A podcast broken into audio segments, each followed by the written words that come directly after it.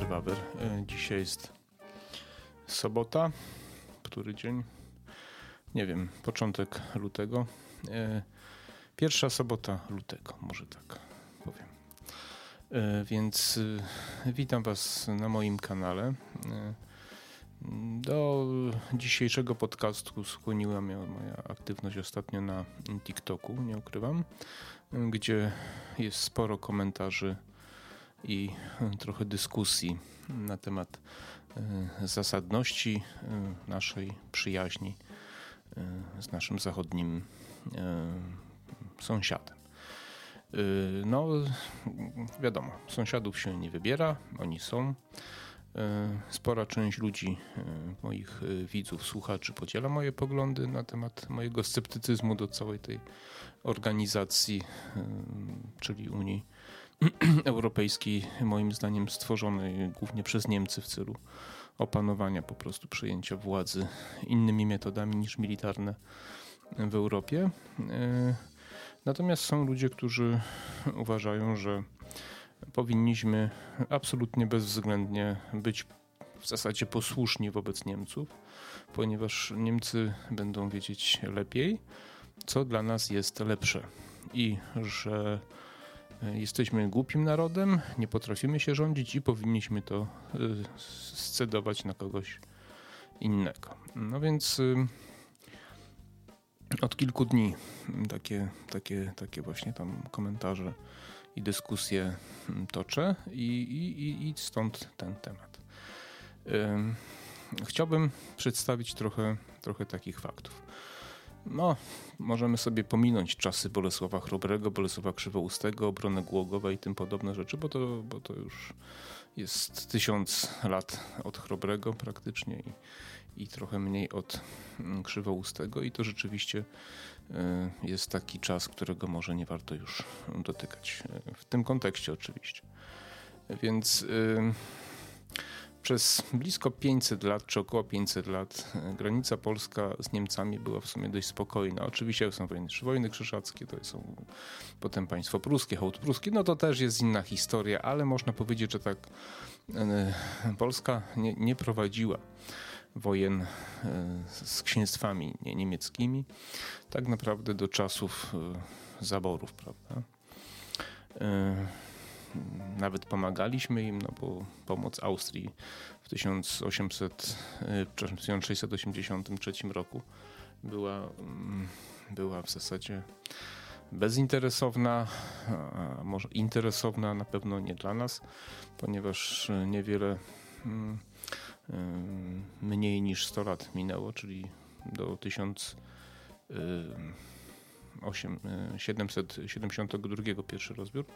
Austria już mm, przyłożyła się do rozebrania Polski, więc to jest jeden z dowodów e, na to, że warto się zastanowić, czy być dobrym, e, czy pomagać bezinteresownie. Bo jakoś tak się składa, że ci, którzy najwięcej pomagają, najwięcej w dupę dostają potem za tą pomoc. No ale wracając do tematu, mm, musimy sobie uświadomić, że e, państwa, które przez cały XIX wiek i końcówkę XVIII e, wieku i początek XX wieku, to 1918 roku, które nas okupowały, to była Rosja, o tym dzisiaj nie mówimy, i e, dwa państwa niemieckie tak naprawdę. Austria jest państwem niemieckojęzycznym i nawet jeśli jest osobnym państwem, to zalicza się do grupy państw niemieckich. Prusy, Austria. E, w zaborze pruskim e, wesoło nie było na początku. E, no, tam były pewne zmiany. Oczywiście po przyjęciu władzy, już mówię o, po trzecim rozbiorze Polski w 1795 roku podniesiono podatki z Warszawy. Warszawa bardzo na tym ucierpiała. Z Warszawy, 100-tysięcznej Warszawy mm, wyjechało około 40 tysięcy ludzi, ponieważ tam panowała bieda. 60 mm, tysięcy ludzi Warszawa miała dość krótko po, e, po trzecim rozbiorze. E, no i generalnie taki, mm, można powiedzieć, był chwilowy upadek e, cywilizacyjny. E, w austriackim zaborze było mm, chyba na początku jeszcze gorzej. E, szlachta straciła swoje tytuły, musieli jeździć do Wiednia, do, składać jakieś wnioski specjalne, wysokie opłaty, żeby zachować swoje, e, swoje, swoje tytuły szlacheckie, hrabiowskie tam i tak dalej. Natomiast też była pełna, dość daleko posunięta germanizacja w zaborze austriackim. No wiadomo, tam potem część obywateli się dostosowała do tego. Byli tak jak dzisiaj zwolennicy Unii Europejskiej popierający, twierdzący, że tak jest dobrze, trzeba to zaakceptować. Byli tacy ludzie, e, którzy byli sceptyczni, no i byli tacy, którzy byli gotowi walczyć o wolność. No i oni rzeczywiście walczyli we wszystkich zaborach. Natomiast e, co jest ważne, bo jeszcze zaraz powiem o, o Bismarcku, ale ale przede wszystkim celem tych państw pruskiego i austriackiego było zlikwidowanie polskości. Oczywiście Polacy tak łatwo się nie poddawali, więc y, te rządy musiały tam chodzić na jakieś ustępstwa, jakieś tam reprezentacje w parlamentach, jakieś tam drobne przywileje, ale to wszystko było nastawione tylko na to, żeby e, ograniczyć pewne bunty, które mogłyby wyniknąć ze zbyt daleko posuniętej, e, e, posuniętych restrykcji. Wiadomo, tam były powstania listopadowe, potem troszeczkę się zmieniło w zaborze austriackim po wiośnie ludów. Tam Węgry wtedy zyskały, Austro-Węgry właśnie po powstaniu E, zresztą pod przywódcą naszego rodaka e, Józefa Bema, e, który, który jest bohaterem narodowym Węgier. Węgry uzyskały sporą suwerenność i z Austrii, z cesarstwa austriackiego zrobiło się cesarstwo austro-węgierskie. Więc natomiast Polska też wtedy trochę zyskała, ale nie tak dużo, ponieważ u nas wiosna ludów nie była tak dynamiczna. Było jakieś krótkie powstanie krakowskie, y, ale to y, nie miało większego znaczenia. Więc od wiosny ludów trochę tutaj w zaborze austriackim poluzowano. Natomiast w zaborze pruskim niestety od czasów Bismarcka było źle musimy wiedzieć o tym, bo to jest bardzo ważne, bo bismarckowską politykę prowadzi się do dzisiaj przez cały XX wiek i dzisiaj prowadzi się politykę Bismarcka. I, i musimy wiedzieć, że on nienawidził polskości. Bismarck miał na celu zniszczyć e, polskość, klasę intelektualną, e, szkolnictwo, edukację. E, wprowadzał różne, różne przepisy, ustawy. Jednym z takich bardziej znanych był Kulturkampf. Kulturkamp, Kamp, chyba tak się to wymawia, czyli wojna kulturowa można powiedzieć. Ona głównie polegała na walce z Kościołem katolickim i to nie tylko e, na terenach tutaj e, naszego państwa czy zaboru pruskiego, tylko w ogóle w całych Niemczech. On poniósł klęskę, natomiast e, to chwilę trwało i, i, i sporo takich, można powiedzieć, szkód dokonano. U nas nie można było się uczyć religii w języku polskim i, i prześladowani byli księża i tak dalej. Były jakieś tam wysokie podatki. No także, także to była taka jedna, jedna z y, jeden z kroków Bismarcka, który, który między innymi miał w Polsce zniszczyć ten kościół, który jak to wiadomo w Polsce kościół zawsze był bardzo silny i, i stanowił taką takie spoiwo społeczne. Zresztą do dzisiaj, ja o tym mówię w moich innych filmach, jak bardzo jest to ważne, że to, to że każdy naród powinien mieć jakieś wartości, jakąś instytucję, jakąś wiarę, religię, która mm, decyduje o tym, że jesteśmy właśnie y, narodem tym, a nie innym, o takich tradycjach, wartościach i tak więc, więc Bismarck starał się germanizować e, e, na potęgę Polaków. Przyjmowało to bardzo brutalne czasami formy. Na przykład w 1901 roku to słynna sprawa ze szkoły we wrześni, gdzie za to, że dzieci uczyły się religii w szkole, rodzice zostali, po polsku oczywiście, rodzice zostali zamknięci do więzienia, a dzieci zostały wychłostane. To, to była taka polityka, to już nie Bismarck, to inny cesarz, Bulow, Bulow chyba Bulow jakoś tak się nazywał ten cesarz. E, Reinhard Bulow, ale nie jestem pewien imienia, ale Bulow. W każdym razie e, jeszcze, jeszcze za czasów chyba Bismarcka wprowadzono rugi, rugi pruskie, taka, takie przepisy, które miały pozbyć się Polaków, którzy nie byli obywatelami pruskimi, tylko obywatelami na przykład z zaboru rosyjska, rosyjskiego czy austriackiego. 26 tysięcy Polaków wyrugowano e, właśnie z państwa pruskiego, żeby jak najbardziej zniszczyć e, czy zminimalizować odtwarzanie, nieodtwarzanie, utrzymywanie się polskości na tych terenach. Przepisy majątkowe, budownicze to słynny Drzymała, który kupił sobie wóz i go przestawiał, żeby ominąć przepisy z Poznania, żeby ominąć przepisy budowlane, więc bardzo silnie Niemcy walczyli o to, żeby wyrugować, zniszczyć polskość na naszych terenach. Ja nie chcę mówić, ja się przygotowywałem, dużo czytałem, ale nie chciałem, żeby ten odcinek znowu trwał bardzo długo, więc chciałem wam zarysować, że cały XIX wiek to była walka y, y, krajów niemieckich o wyniszczenie polskości, zniszczenie polskości, zwłaszcza za czasów y, Bismarcka.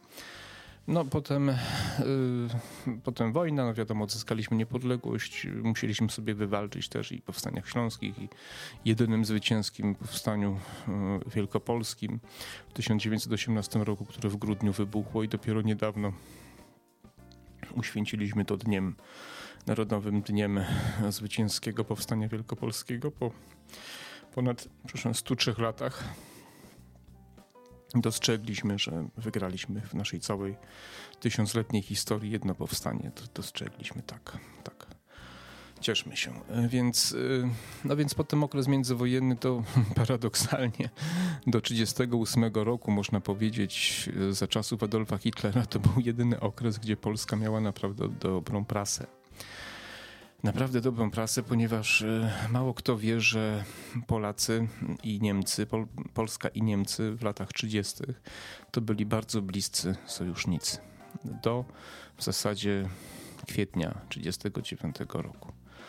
E, Adolf Hitler bardzo, bardzo szanował Józefa Piłsudskiego. Józef Piłsudski był chyba pierwszym albo jednym z pierwszych przywódców europejskich, który uznał władzę Adolfa Hitlera podpisał z nim tam jakieś y, umowy o współpracy, czy jakieś tam inne oficjalne dokumenty.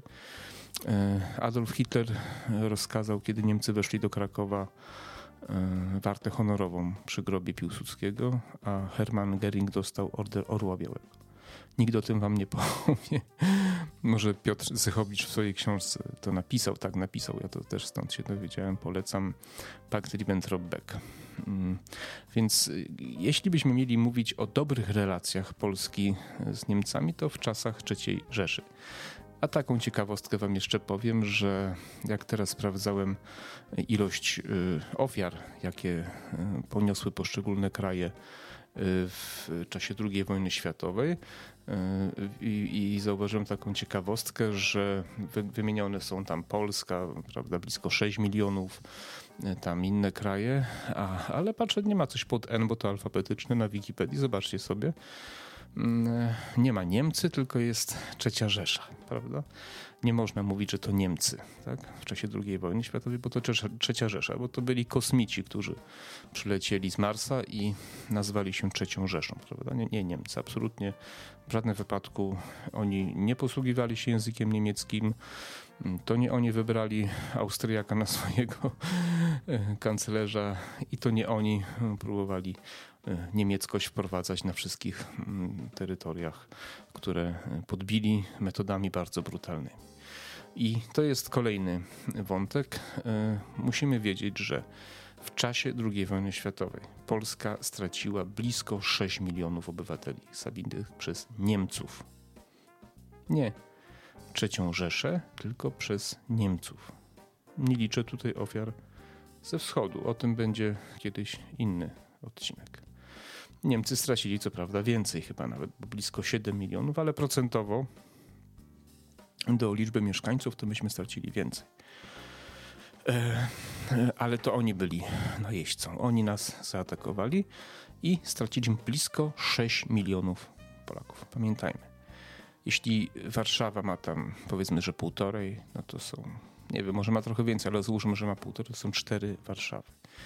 Zniszczona stolica, wymordowana y, ta najbardziej wartościowa tkanka społeczna, to za co dzisiaj, do dzisiaj płacimy i długo płacić będziemy. Pamiętajmy, że kiedy Niemcy wkroczyli do Krakowa, do Warszawy, pierwszym zadaniem było wymordowanie, między innymi w Palmirach w Warszawie, ale też w Krakowie, e, klasy najbardziej inteligentnej.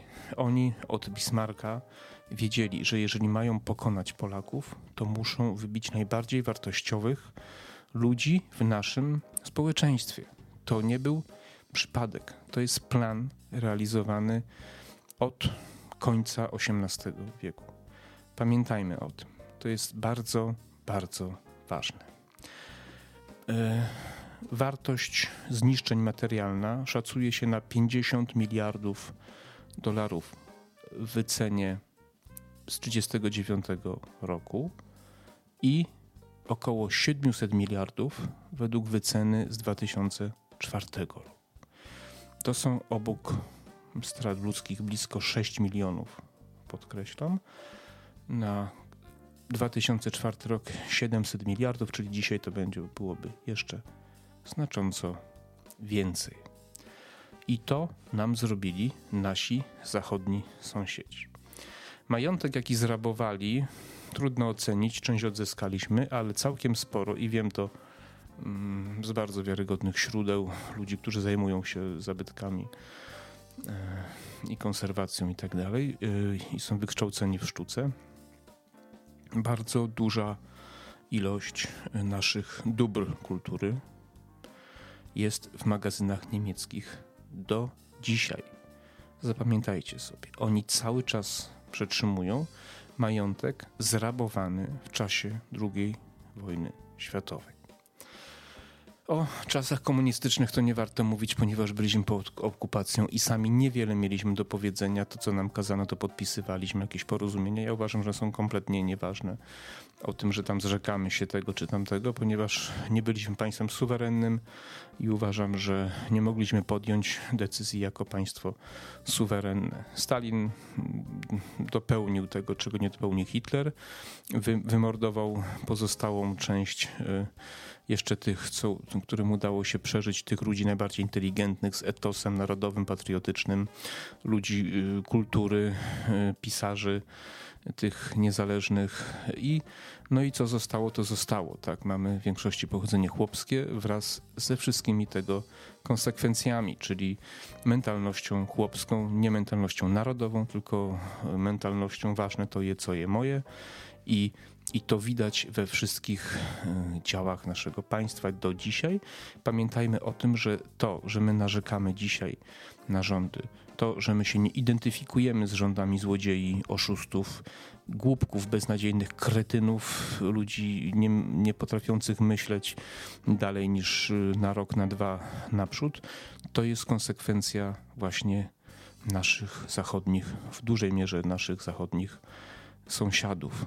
My przed wojną mieliśmy ludzi, patriotów, którzy różne tam można o nich rzeczy mówić. Oczywiście ja nigdy nie byłem zwolennikiem Piłsudskiego, raczej Dmowskiego, ale to byli ludzie, którzy e, kiedy e, coś przeskrobali, to potrafili zachować się honorowo. Dzisiaj honoru to możecie szukać z gromnicą. Jest taka historia, kiedy któryś tam z posłów czy ministrów przedwojennych wykryto że gdzieś tam pojechał na wczasy, co prawda służbowym samochodem, ale też i na służbowym paliwie, to chyba podał się do dymisji, a, a, a tak naprawdę sugerowano mu, że to uczciwy człowiek to by sobie w łeb strzelił, gdyby mu coś takiego udowodniono. Ten sanacja miała bardzo dużo za uszami, miała swoją berezę kartuską i tak dalej, ale pewien taki jeszcze z czasów Polski, tej powiedzmy z XVIII, z XIX wieku, pewien taki sznyt, pewne tradycje zostały.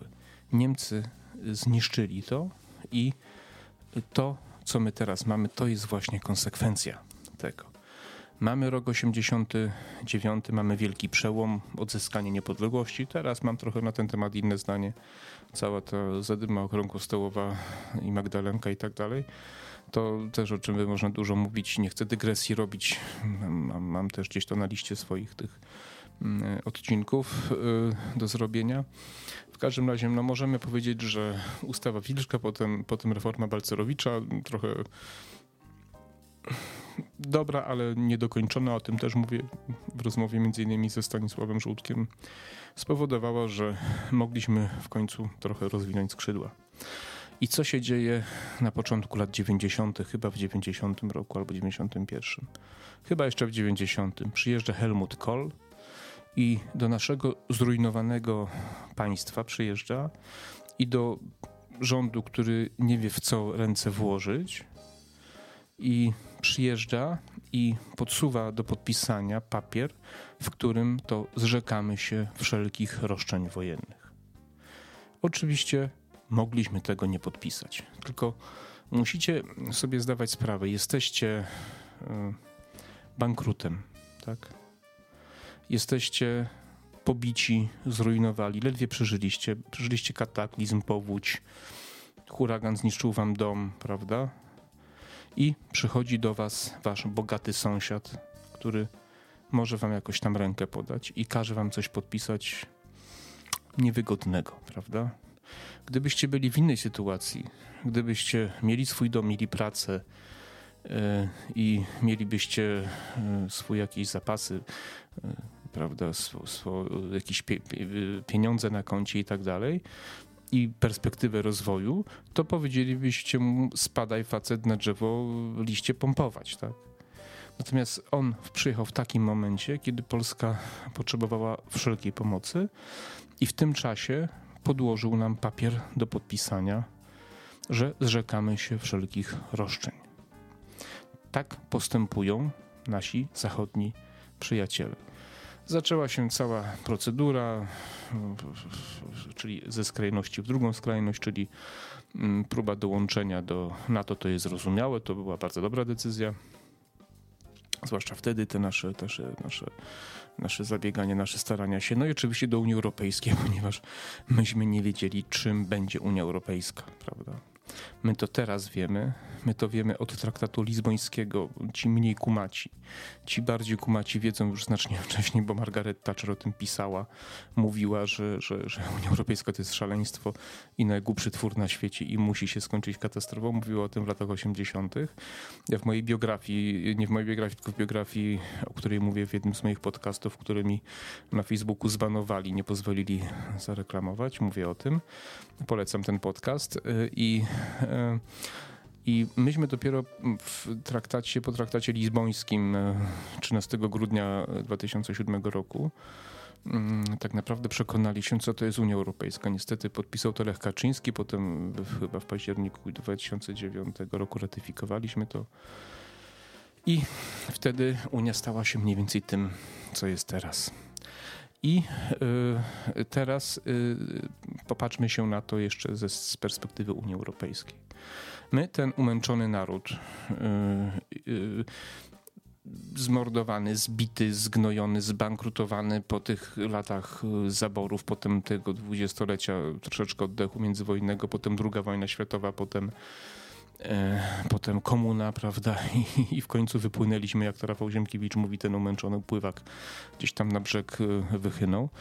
I my idziemy do Unii Europejskiej i ja się nie dziwię, nawet jeśli się z wami, e, drodzy euroentuzjaści, do których się jeszcze wiele lat temu też zaliczałem, nie dziwię się wam nawet trochę, że dla was ten Zachód jest czymś upragnionym takim celem i, i, wzorem do naśladowania, że macie o nas samych, sami o sobie macie tak fatalne i negatywne zdanie.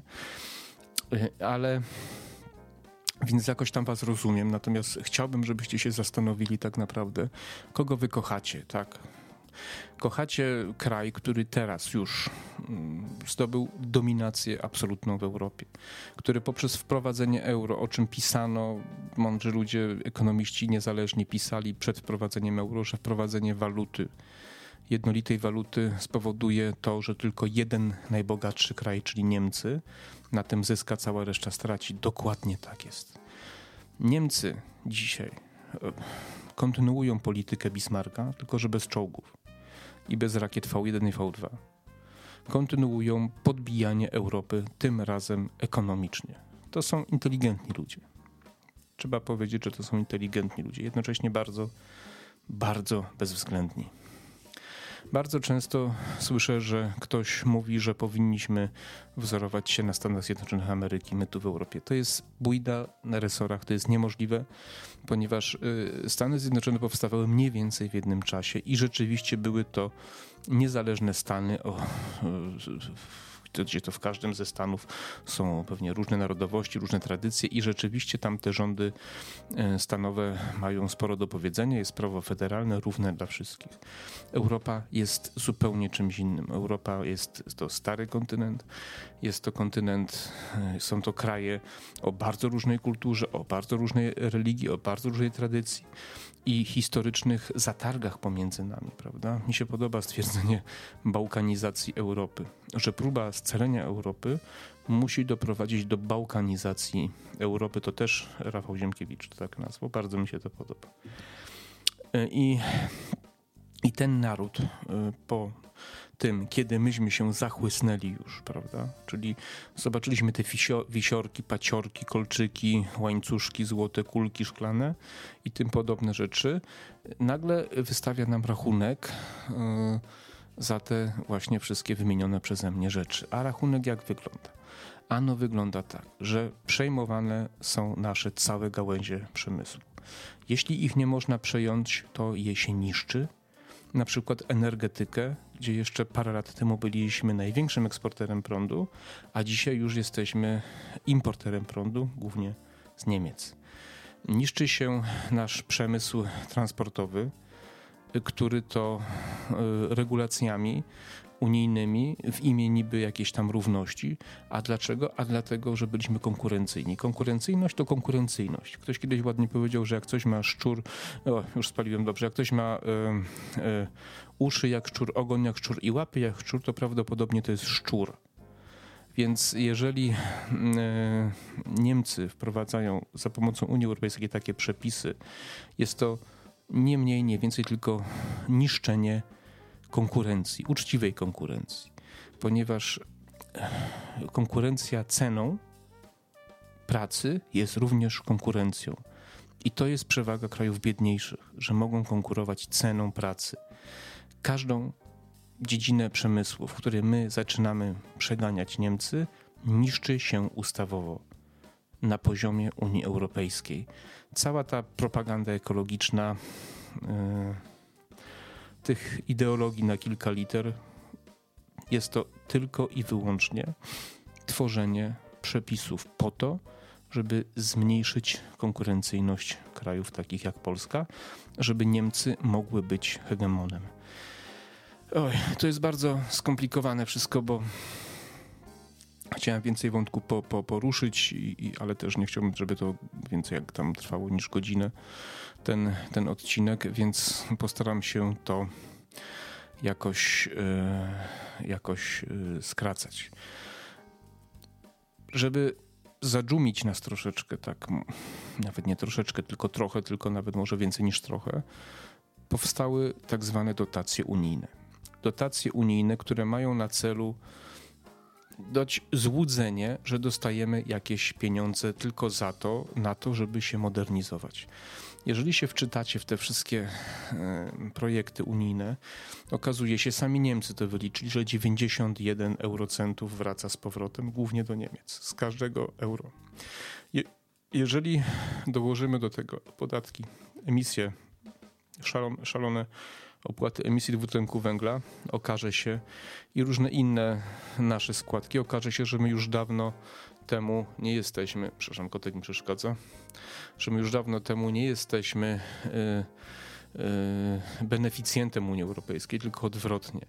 Jeżeli weźmiemy pod uwagę niszczenie naszych gałęzi, ograniczenia handlowe, ograniczenia handlu z Chinami, co to miało miejsce jeszcze za, za Angeli, y, to my naprawdę dużo więcej tracimy niż zyskujemy. Teraz pojawiają się zarzuty, no ale przecież jakbyśmy nie byli w Unii, to, to przecież byśmy nie mogli handlować. A dlaczego?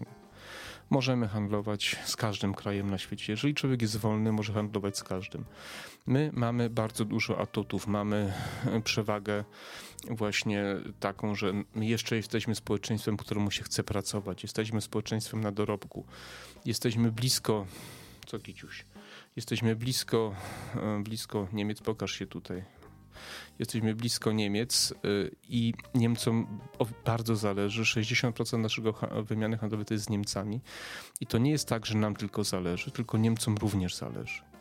I nie trzeba e, kłaść się krzyżem i klęczeć na kolanach przed, przed nimi, ponieważ interes jest obopólny. I to nie jest tak, że, że jeżeli my się postawimy, to oni sobie kogoś innego znajdą, bo gdzie znajdą? We Francji? Tak? Czy na Ukrainie? To nie jest takie proste. Więc y, mamy pewien kompleks, mamy kompleks niższości. Są ludzie, którzy są gotowi oddać wszystko, żeby tylko, tylko być w tym świecie zachodnim, nie patrząc, jak ten świat zachodni bardzo ewoluował i jak się bardzo zmienił i jak bardzo e, przypomina teraz e, Związek Socjalistycznych Republik Radzieckich, e, wprowadzając e, bardzo głupie przepisy. One, znaczy one nie są głupie, one są z naszego punktu widzenia głupie, złe, natomiast z punktu widzenia Niemiec nie są takie głupie, ponieważ nas uzależniają, Kiciuś zostaw tą kamerę, uzależniają nas od Niemców energetycznie, technologicznie, finansowo. Y, y, robią nas z nas żebraków, żebraków Europy. Obok y, Rosji, czy kiedyś Związku Radzieckiego, kiedyś Rosji, Niemcy są, zasadzie trudno powiedzieć, to kto gorszy krajem, który zrobił nam straszne krzywdy. Bardzo, bardzo złe rzeczy niszcząc naszą kulturę, niszcząc nasze państwo materialnie, y, demograficznie mordując, mordując ludzi i również właśnie naukowo, a teraz jeszcze drenuje bezwzględnie właśnie nasze społeczeństwo, które to wyjeżdża do pracy i zarówno fizycznej, jak tej naukowej, lekarza i tak dalej. Jesteśmy kolonią, jesteśmy kolonią, jesteśmy wysysani y, przez ten kraj bezwzględnie. Jak ktoś zna historię, to wie, że Polska w wiekach XV, XVI, XVII była krajem, do którego właśnie z Niemiec i z Prus Wojna trzynastoletnia przecież to była wojna o to, o odłączenie się od Prus do Rzeczpospolitej, ponieważ tu było, znaczy książęta, szlachta pruska chciała się po prostu przyłączyć do, do królestwa, ponieważ tu była wolność, wolność wyznania, niskie podatki, wolność gospodarcza i tu chcieli przyjeżdżać. Tak. A teraz my zamiast sami się rządzić, to wprowadzamy dyrektywy unijne, prawa unijne, które zmniejszają naszą konkurencyjność, które powodują, że nasi rodacy wyjeżdżają na zachód. 20 milionów Polaków jest za granicą. Zamiast wprowadzać ustawy, niskie podatki, wolność gospodarcza, wolność słowa, wolność wyznania, to my robimy wszystko, żeby wypchnąć najbardziej wartościowych ludzi za granicę i robimy to przez głupotę naszych rządów i tego i poprzedniego w porządku i to wynika z tego, co mówiłem wcześniej, że my nie mamy elit, bo Niemcy te elity nam wymordowali, ale również z tego, że wprowadzamy unijne przepisy i dajemy sobie narzucić chore, głupie ideologie. Musimy mieć tego świadomość, że jedynym krajem, który może zmienić coś u nas, jesteśmy my. Nikt nie zrobi tego za nas. Niemcy nie wprowadzą przepisów, które spowodują, że będziemy silniejsi od Niemców. Na litość boską, ludzie, opanujcie się i nie wierzcie w to, że to są nasi dobroczyńcy. Oni chcą nas od 200 lat zniszczyć i chcą zrobić tutaj swój rezerwuar jakiś tam Middle Europa i tak dalej. To jest tak oczywiste jak to, że słońce rano wschodzi i wieczorem zachodzi apeluję do Was o pewną refleksję, o myślenie, o czytanie i o większą wiarę w nasze możliwości. Jesteśmy dużym krajem z bardzo fajną historią, z niesamowitą tolerancją Nigdy nie było u nas takich zjawisk jak w Niemczech, nigdy nie wsadzaliśmy homoseksualistów do więzień, nie było żadnych noc hugenotów, tak jak we Francji i tym podobnych rzeczy. Nie było tego. To oni to mieli, to oni mają ten bagaż, to oni powinni się od nas uczyć. Pamiętajmy o tym. O, dobra, bo już się rozkręciłem. Więc chciałem y, tym podcastem i tym odcinkiem apelować do tego, żebyście nie byli tak ślepo zapatrzeni w ten chory zachód. Pomyślmy, kogo my tu mamy za sojusznika. Ja tu ostatnio też polemizowałem, bo tam kto jest naszym najlepszym sojusznikiem, dlaczego nie mamy armii. Armia. Armia to jest podstawa, musimy mieć armię. Niemcy się nie będą z nami liczyć, Rosja, jeżeli nie będziemy mieli armii. Pamiętajmy o tym. Więc y, weźmy się w garść, pomyślmy trochę, popatrzmy na naszą historię, coś tam troszkę poczytajmy i nie słuchajmy głupich ludzi, głupich ludzi, którzy chcą y, żyć z żebractwa. No. Jesteśmy starym, dumnym narodem i nie żyjmy z żebractwa, nie bądźmy żebrakami ludzie, tak? No, dobra, bo się za bardzo rozkręcam. A może to jest sposób, żeby żeby ludzi przekonać. Nie wiem, napiszcie, powiedzcie, co myślicie. Dobra, y, to tyle na dzisiaj. Y, mam nadzieję, że to było w miarę spójne, przekonywujące. Y, myślenie ma przyszłość, jak to mówiła moja pani doktor od anatomii.